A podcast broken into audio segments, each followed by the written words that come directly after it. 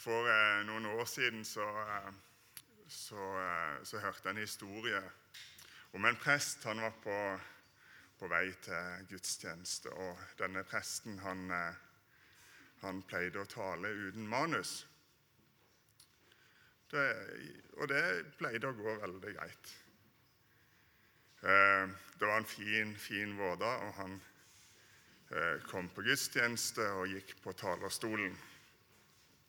Og så, eh, så sier han det at ja, kjære menighet, på vei til, til kirke i dag, så visste både jeg og Den hellige ånd hva jeg skulle tale om. Nå er det kun Den hellige ånd som vet det.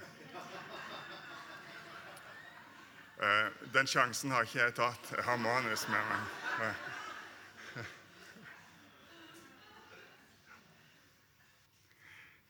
Kjære alle sammen. Nåde være med dere og fred fra Gud vår Far og Herren Jesus Kristus. Amen. På den måten så eh, åpnes de eh, kirkelige handlingene i Den norske kirke seg hver gang. Nå er det ikke sånn at eh, jeg skal stå her og reklamere for Den norske kirke. Men jeg hadde allikevel lyst til å dele denne nådehilsen med dere, som får oss å sette gudstjenesten på rett spor. Eh, Nå er det ikke sånn at denne nådehilsen eh, kommer ifra noen som har sittet og jobba med det, liturgien i Den norske kirke. Nei, ikke i det hele tatt. Eh, vi, finner, vi finner nådehilsen eh, 14 ganger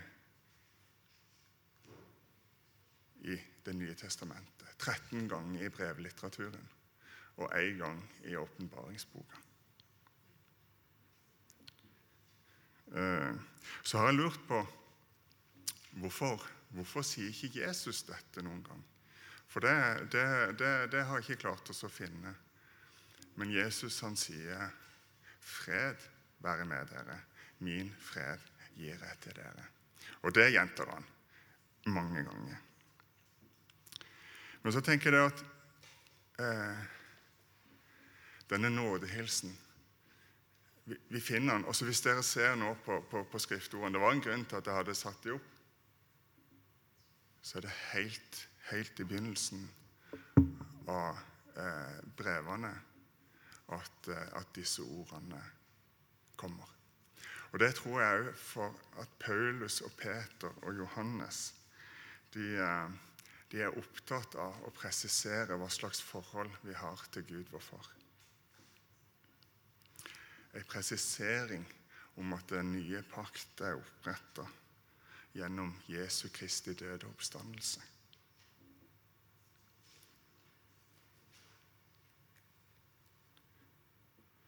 Jesus han ønsker å gi oss av sin nåde og sin fred. Og det er noe han ønsker ikke bare å gi til oss som er her i dag, men til absolutt alle mennesker. Gud han ønsker å gi av sin grenseløse kjærlighet. Og denne kjærligheten, den er betingelsesløs. Gud setter ikke krav til å gi kjærligheten til andre. Den er helt betingelsesløs og uendelig.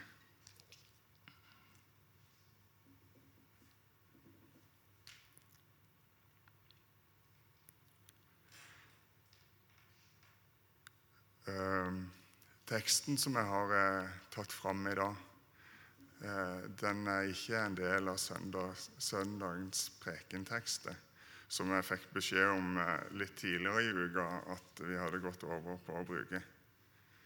Eh, eh, selv om eh, lignelsen om brudepikene absolutt er med i eh, tekstrekka eh, i, i, i søndagens tekster, så er han ikke det denne søndagen. Eh, Men vi skal ta oss og lese den eh, sammen fra Matteus 25. Da kan himmelriket sammenlignes med ti brudepiker som tok oljelampene sine og gikk ut for å møte brudgommen. Fem av dem var uforstandige, og fem var kloke. De uforstandige tok med seg lampene sine, men ikke olje. Men de kloke tok med seg kanner med olje sammen med lampene. Da det trakk ut før brudgommen kom, ble de alle trette og sovnet. Men ved midnatt lød et rop. Brudgommen kommer! Gå og møt ham! Da våknet alle brudepikene og gjorde lampene i stand. Men de uforstandige sa til de kloke, gi oss litt av oljen, for lampene våre slukner. Nei, svarte de kloke, det blir ikke nok til både oss og dere. Gå heller til kjøpmannen og kjøp selv. Mens de var borte for å kjøpe, kom brudgommen. Og de som var forberedt, gikk sammen med ham inn til bryllupet, og dørene ble stengt. Senere kom også de andre brudepikene og sa, 'Herre, Herre, lukk opp for oss.' Men han svarte, 'Sannelig, jeg sier dere, jeg kjenner dere ikke.' Så våg da, for, for dere kjenner ikke dagen eller timen. Temaet for eh, denne høsten er å leve i tro, eller et liv i troen. Hva vil det si for oss i dag? Hva er egentlig tro? Og på hvilken måte påvirker troen oss i livet? Og så kommer spørsmålet fins det et liv med tro, eller mest av alt fins det et liv uten tro? Og hvilke utfordringer møter vi med troen vår i hverdagen? Det er hverdager vi har flest av. Det er lett å være kristen her på Nordkirkenhallen når vi er sammen her. Eh, men hvordan er det ute i hverdagen? Eh, når du tenker på mennesker som du har møtt denne uka, eh, har du da truffet dem med troa di? Har de fått sett et speilbilde av hvem du tror på? Nå skal ikke jeg sette verken meg sjøl eller dere i et dårlig lys. Um, og det er ikke Det er ikke meninga å uh, å tråkke noen ned. Meninga er snarere tvert imot å gi deg den utfordringa. Hvordan møter vi andre mennesker med vår tro? Og hva kan vi gjøre for å hjelpe andre med troa. Det er så fort gjort å tenke at en skal ikke blande seg inn i andres liv. Uh, og jeg kjenner det for min egen del, så er det spesielt når eh, du merker at eh, vedkommende ikke har ei kristen tro, eller ikke har noe tro i det hele tatt.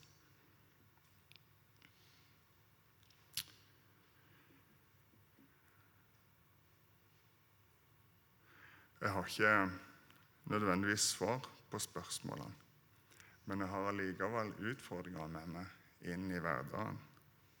Eh, og den utfordringa er ikke noe jeg har for meg sjøl. Jesus han har sagt gjennom misjonsbefalinga at vi skal gå ut og forkynne troa. Og vi skal ikke bare gå ut til de våre brødre og søstre i troa. Vi skal gå ut til alle.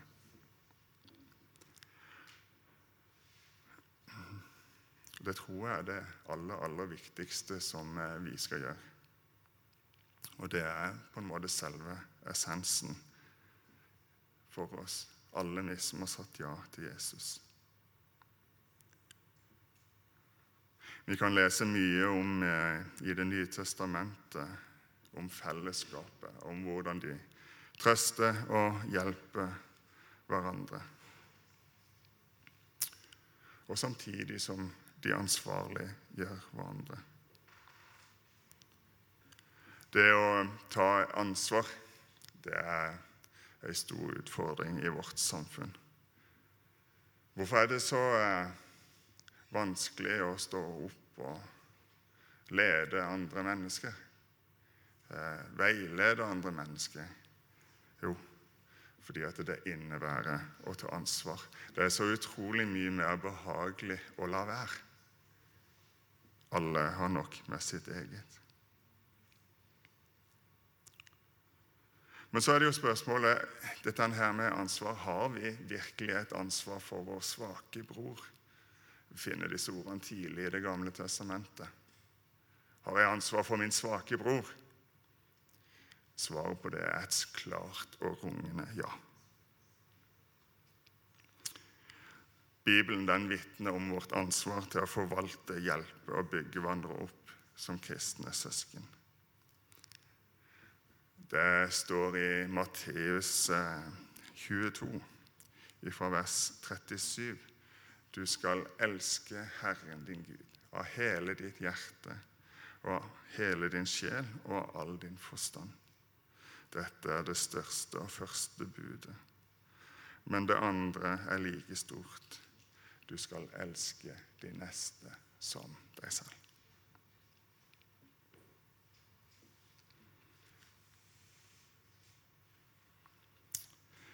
Jeg har forsøkt å lage en uh, figur. Og uh, nå skal jeg prøve å illustrere litt sånn bildelig hva tro er for noe. Når jeg tenker på tro, så går tankene mine med en gang til 1. Korinterbrev, kapittel 13, av en eller annen merkelig grunn. Kanskje det er flere som har det sånn. Uh, det er selve kjærlighetskapitlet i Det nye testamentet. Og så har jeg, så har jeg brukt en rettvinkla, likebeint trekant. Det er i hvert fall et forsøk på det. Ehm, for å illustrere treenigheten i liv i møte med troa.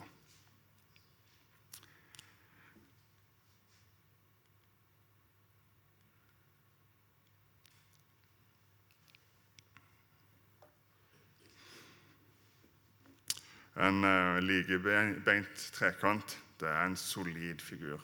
Alle sidene er like lange, og alle vinklene er like store. Nå skulle jeg hatt Magne her, fordi han kunne bekrefte det som snekker. Det er kanskje noen andre snekkere her. Men selv om jeg verken er snekker, matematiker eller fysiker, så tror jeg at uh, denne figuren her, den står imot trøkk fra alle sider.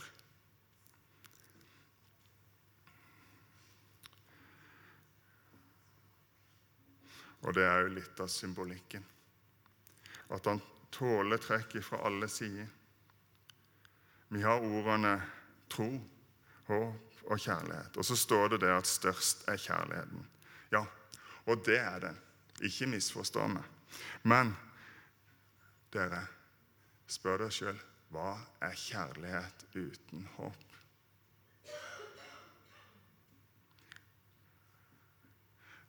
Det, for meg er det i hvert fall ikke noe kjærlighet. Eller hva er tro uten kjærlighet? Eller hva er tro uten håp? Disse tre sidene de henger nøye sammen. Og hvis en av disse faller bort, ja, da har vi ikke en solid konstruksjon lenger. Eh, Min påstand er at vi har ikke noe tro i det hele tatt. For det at troa vil falle sammen. Vi er helt avhengig av for troa at vi har tro, håp og kjærlighet for at den kan vokse.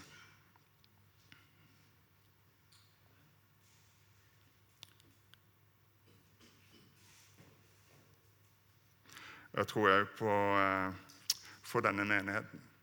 Hvis denne menigheten er, mangler en av disse sidene, da har vi ikke noe framtid. Men hvis vi har disse sidene, ja, vet du hva? Da blir vi sterke, og da vokser vi og blir store.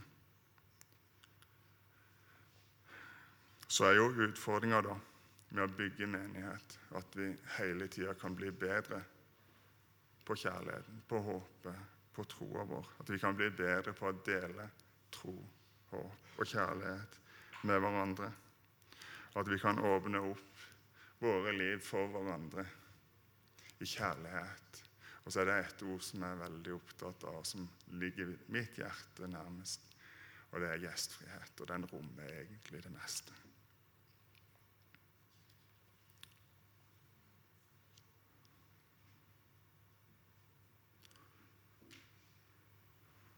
Vi skal ta oss av.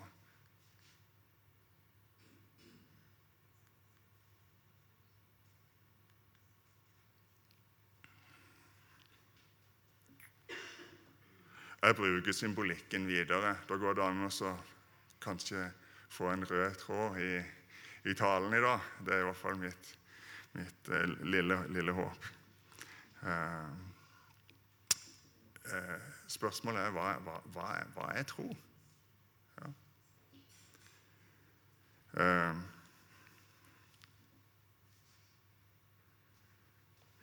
har, eh, jeg har tatt med meg det greske ordet for tro. Og eh, det heter pistevo. Eh, og eh, når jeg så opp i, i, i, i, ordboka mi, den greske ordboka mi er for øvrig over tre bind. og det er jo fordi at den rommer ganske mye. Og så, så, tok jeg fram dette, dette været pistevo som betyr 'å tro'. Det er infinitivsformen. Nå skal jeg ikke vandre inn i den greske Eh, språkvitenskapen her, men, men, men det, var uendelig med sider etterpå. Eh, jeg har prøvd å oppsummere det litt i, eh, i, tre, i tre ord videre. Det første ordet som jeg ønsker å begynne, begynne, med, er ordet tillit. Jeg leste en historie da jeg, da jeg jobba med, med denne talen. Eh, med overskrift 'Hva er tillit?' En gammel lærer sto og så på studentene sine som kom inn i rommet, og sa jeg så ikke at den eneste en av dere som kom inn her i dag, begynte å undersøke stolen som dere satt der på. Om han holdt. Dere overlot dere trygt til stolen og gikk ut for at den ville holde dere oppe. Jeg vet ikke om det var noen her inne som undersøkte stolen før dere satte den her. Vi gjør jo ikke det. Gjør vi vel? Eh, og jeg tror heller ikke det er så fryktelig mange av dere som sjekka bilen før dere satt, der, satt der i den i dag morges. Jeg kjenner ikke til noen som på en måte åpner opp panseret og så ser over motoren, kanskje sjekker olje og, og bremser og eh, lys og osv. før en setter seg i bilen og kjører. Jeg gjør i hvert fall ikke det. Jeg hiver meg i bilen, setter i tenninga og kjører. Eh, jeg tar det som en selvfølge at han fungerer like godt denne gangen som han gjorde forrige gang. Åssen er det når dere har hivd dere på bussen, da? Hvor mange av dere er det som går fram til sjåføren og spør om han har sertifikatet sitt i orden? Har han gjort dette før? Åssen eh, er det? Åssen er ulykkesstatistikken hos deg? Eh, vi, vi, vi, vi, gjør jo ikke det. Og La oss trekke det enda litt lengre, da. Eh, eh, jeg oppfordrer ingen til å gjøre det. Men, men hvis jeg går om bord i et fly og så tar jeg turen innom cockpiten, og så spør dere kapteinen du sier meg egentlig kan du jobben din, er det sånn at vi kommer oss, vi kommer oss sånn høvelig trygt fram? Har du gjort dette før? Nei, vi tar det som en selvfølge, gjør vi ikke det? Eller, eller, er det noen som har, har gått til det skrittet og spør bussjåføren eller kapteinen om, om, om, eh, om, de, om de vet hva de holder på med? Uh, nei, vi har tillit til at de kan jobben sin. Jeg har sjøl jobba som bussjåfør, forresten. Jeg har aldri fått det spørsmålet. Så, uh,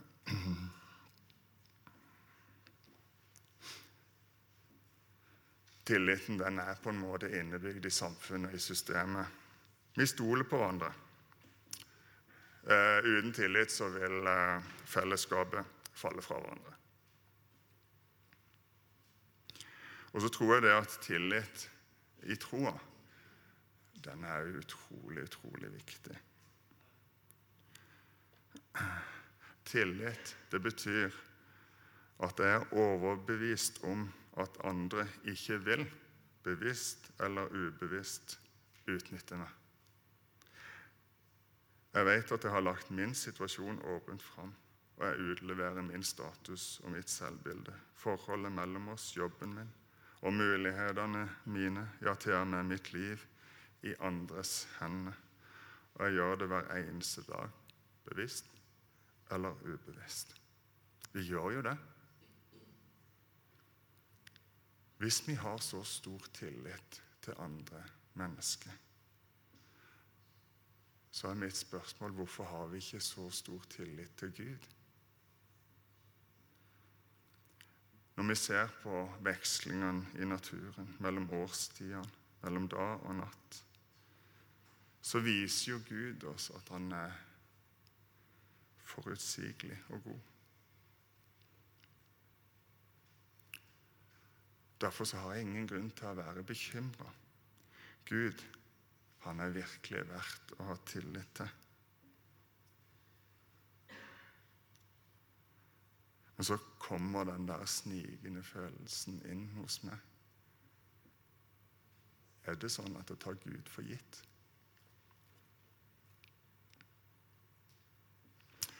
I en nasjonal eh, krisetid for 2500 år siden så begynte israelsfolket å søke allianse med nabolandet Egypt. Men Gud sa til Israels folk at det var nok at de viste tillit til ham. Nøkkelen lå i å slutte å mase og bli stille og vente på Herrens løsning. Og profeten Jesaja sa, for så sa Herren Israels hellige, dersom dere vender om og holder dere i ro, skal dere bli frelst. I stillhet og tillit skal deres styrke være. Men dere ville ikke. Nei, de ville ikke vise tillit, og dermed så rakna det for dem. Profeten Jeremia sa, Velsignet er den mann som stoler på Herren og lar Herren være sin tillit. Hebreabrevets forfatter, vi vet jo ikke hvem det er, men eh, han eller hun understreker med sine ord Derfor kan vi tillitsfullt si, 'Herren er min hjelper. Jeg skal ikke frykte.' Hva kan et menneske gjøre Nei, Er det ikke fantastisk?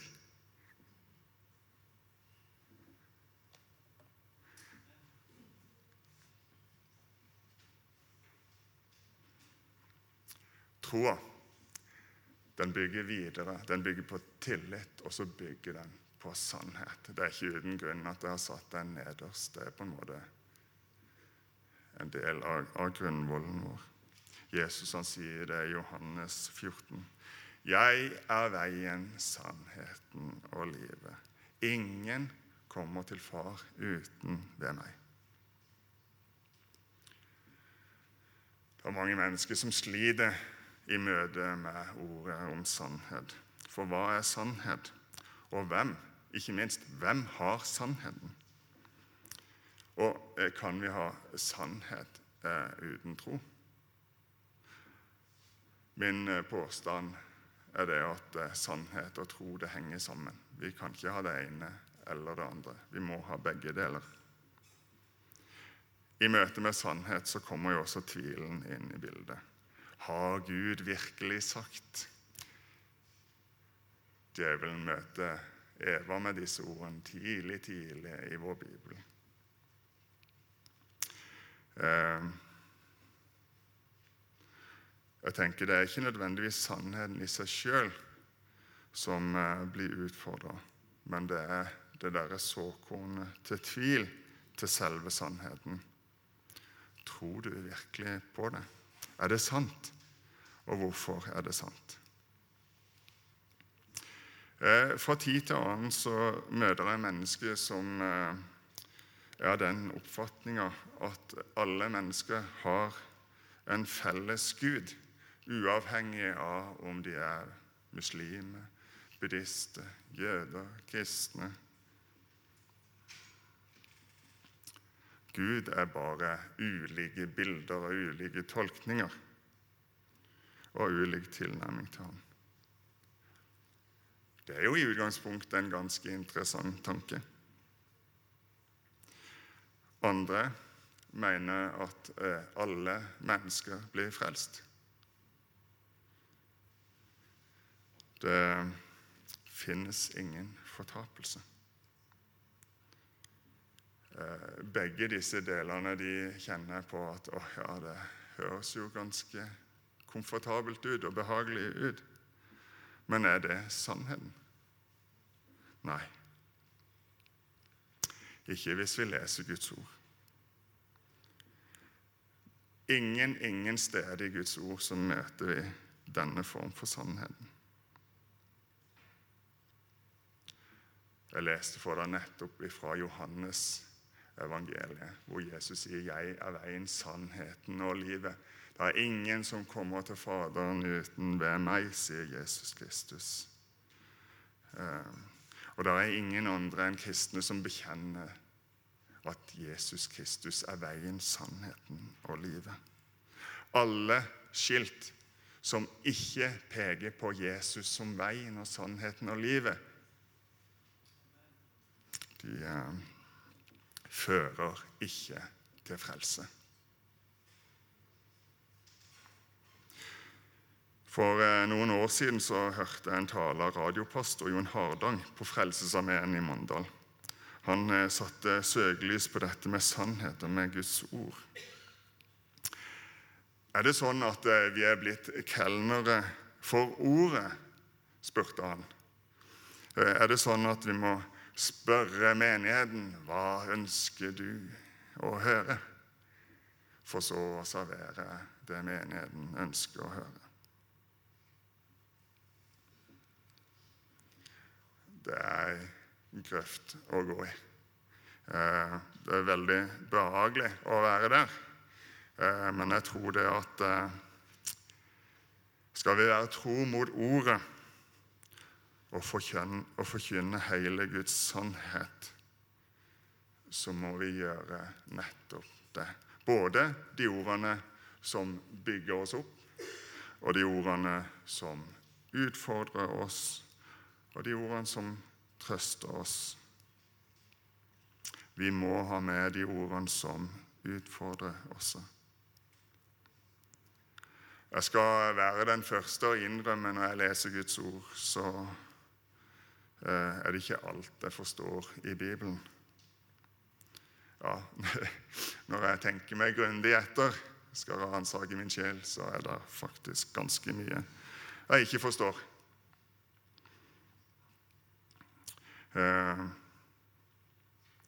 og det er kanskje ikke meninga at jeg skal forstå alt. Eh, men jeg tror ikke at det skal være ei hvilepute og bare si at ja, nei, men dette forstår jeg ikke, så dette trenger jeg ikke å forholde meg til. Paulus han eh, sier i Korinterbrevet kapittel 13, som jeg, eh, som jeg innleda med tidligere Nå ser vi i et speil, i en gåte. Da skal vi se ansikt til ansikt, og nå forstår jeg stykkevis og delt. Da skal jeg, for, skal jeg kjenne fullt ut slik Gud kjenner meg fullt ut. Jeg tror aldri Paulus slutta å forundre seg. Eh, jeg tror han aldri slutta å søke etter forståelse. Men han innrømmer at han forstår stykkevis og delt. Da jeg i det forrige årtusen studerte kristendom grunnfag på Menighetsfakultetet i Oslo, så ble jeg møtt av et samla dekanat som forkynte kritiske røster. Vær kritisk til alt du møter. Det var noe av det første jeg ble møtt med. Uh, still spørsmål til det som det undervises i her på MF. Eh, og gjennom å møte pensum med et kritisk blikk, så vil du få en bedre innsikt og forståelse. Jeg var jo en av de siste, og takk og pris, som ble møtt eh, med historisk kritisk metode for oss å lese Bibelen. Og da eh, var det ikke nødvendigvis evangeliet som var det viktigste. Det viktigste var hvem har skrevet evangeliet, og til hvem, og når tid er dette skrevet. Altså det var fagstoffet i teksten som var det viktigste. Så vi kalte det for bibeleksegese. Eh, og evangeliesynopsen den skulle studeres for å finne ut forskjellene mellom de ulike evangelistene. Og det var ulikhetene som var interessante. Eh, for hvem er det som har skrevet dette først? Det var en periode i livet hvor jeg følte kanskje at troa mi ble svekka. Jeg ble utfordra i troa. Men det er sånn, det er ord og tekst i Bibelen som jeg ikke forstår, og noe som jeg kanskje aldri kommer til å forstå. Men det er ikke det viktigste. Det viktigste er allikevel sannhetene. De ordene som er vanskelige, og de ordene som utfordrer og ryster. Det er kanskje de som er vanskeligst å forstå og møte. Men de er allikevel sannheter. Eh, og tillit handler heller ikke om forståelse nødvendigvis. Det, tillit handler om at sannhetene er der, og vi i tillit skal få lov til å hvile i dem. Og gjøre et hederlig forsøk på å følge dem.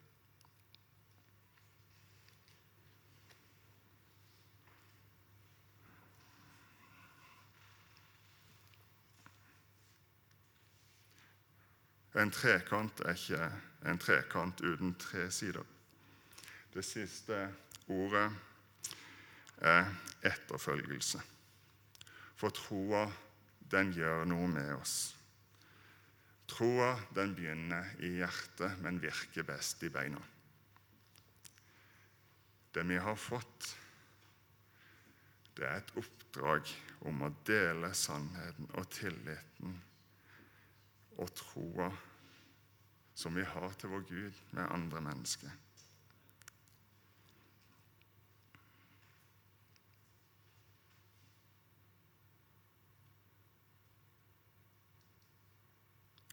Nå eh, er det kanskje noen som tror at nå har Lasse, eller Lars, eller Lasarus glemt helt brudepikene. Kanskje noen sitter og kjenner på hm, hvor er det blitt av de? Jeg har ikke glemt det. Denne lignelsen om brudepikene de har vært lest på mange forskjellige måter. Den eh, ene og kanskje mest tradisjonelle teologiske måten å fokusere på denne lignelsen er på de uforstandige brudepikene. Og da kommer fort en pekefinger opp. Våk og vær våkne, for timen og brudgommen kommer, kjenner ingen.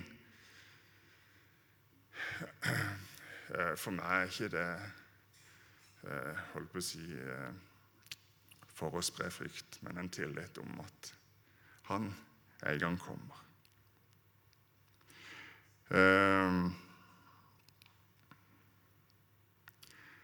Men for meg så er denne lignelsen den handler om de kloke brudepikene.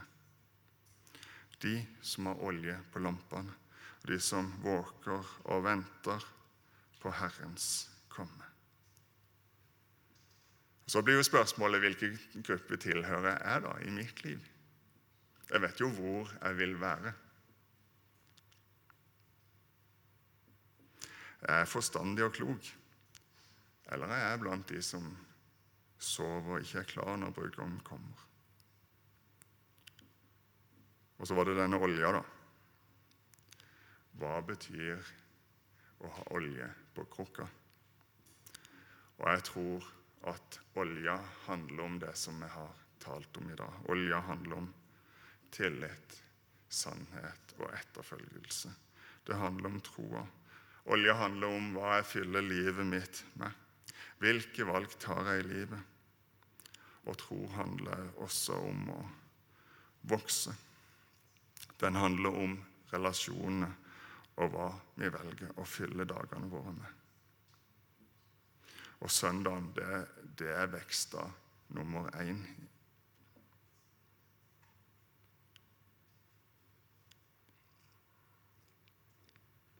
Når vi er sammen her, så, så får vi påfyll på krukkene våre. dere.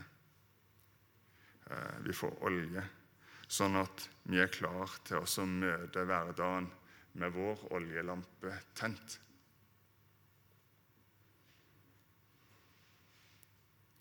Og så har vi også vært Og vi er så heldige at vi har fått komme fram til, til nådens bord tidligere i dag. Til nadværbordet. Vi har eh, fått ta del i den seierskransen som Jesus vant.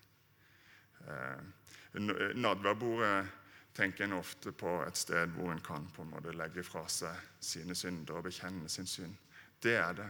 Men samtidig så er det også et seiersmåltid, der vi får påfyll gjennom at Jesus Kristus har gitt oss sitt legeme og sitt dyre blod. Det er faktisk så flott og så stort at det forstår jeg ikke rekkevidden av. Men jeg har tillit til at det allikevel er sannheten. Gud ble menneske, og han ga sitt liv og stå opp igjen for å gi meg og deg muligheten til å ha en relasjon med Han. Og dere, mine venner, det er olje i massevis. Um, En god venn og tidligere kollega med sa i en tale for mange mange år siden Jeg tror ikke jeg var mer enn ungdom i den tida at vi skulle leve livet med stor L.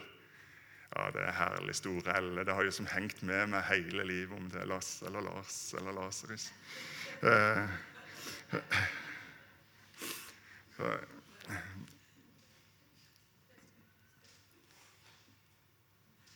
stor L. Det er herlig. Eh, ja, nå er, det ikke, det er ikke det det skal handle om, da. Men eh, eh, det, det, som han, vennen min mente, var at denne store L-en den består av to streker. Jeg beklager dere at det blir mye streker, da. Men, men, jeg håper dere klarer, klarer denne òg.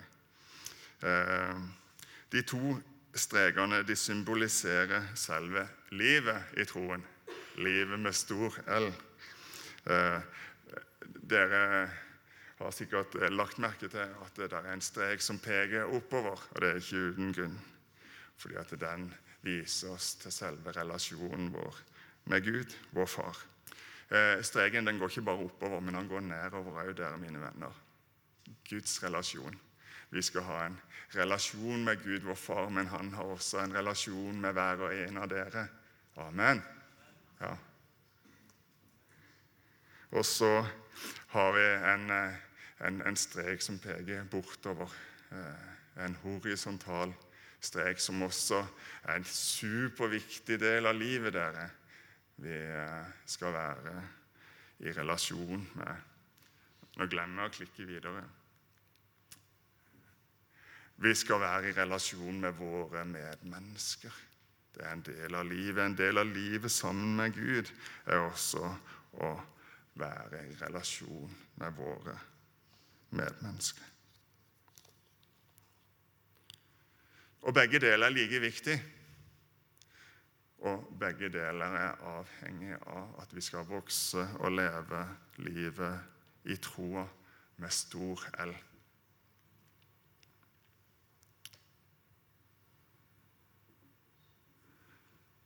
Det er ikke sikkert at det er tilfeldig, de møtene du kommer til å oppleve i den uka som ligger framfor deg.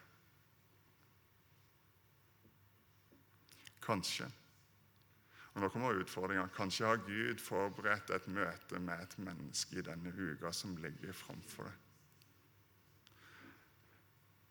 Og gitt deg en mulighet, og gir deg en mulighet til å dele troa med det mennesket. Det er utfordringa i dag.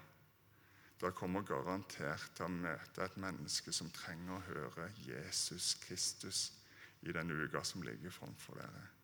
Og eh, det møtet kommer på de mest forunderlige stedene. Og så skal vi få lov til å gjøre det i tro, i tillit til at Han er med oss alle dager.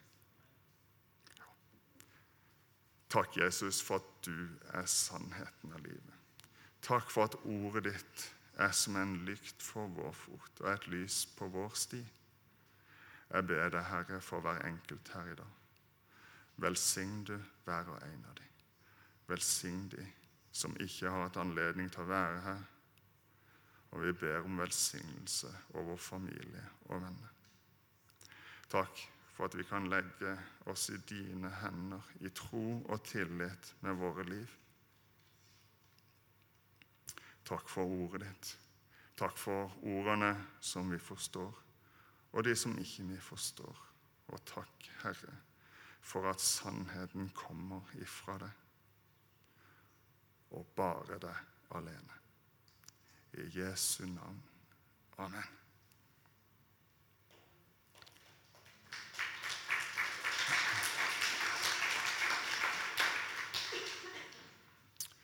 Eh, jeg har tatt med meg en liten eh, musikkvideo av en kar som heter Martin Vikstøl.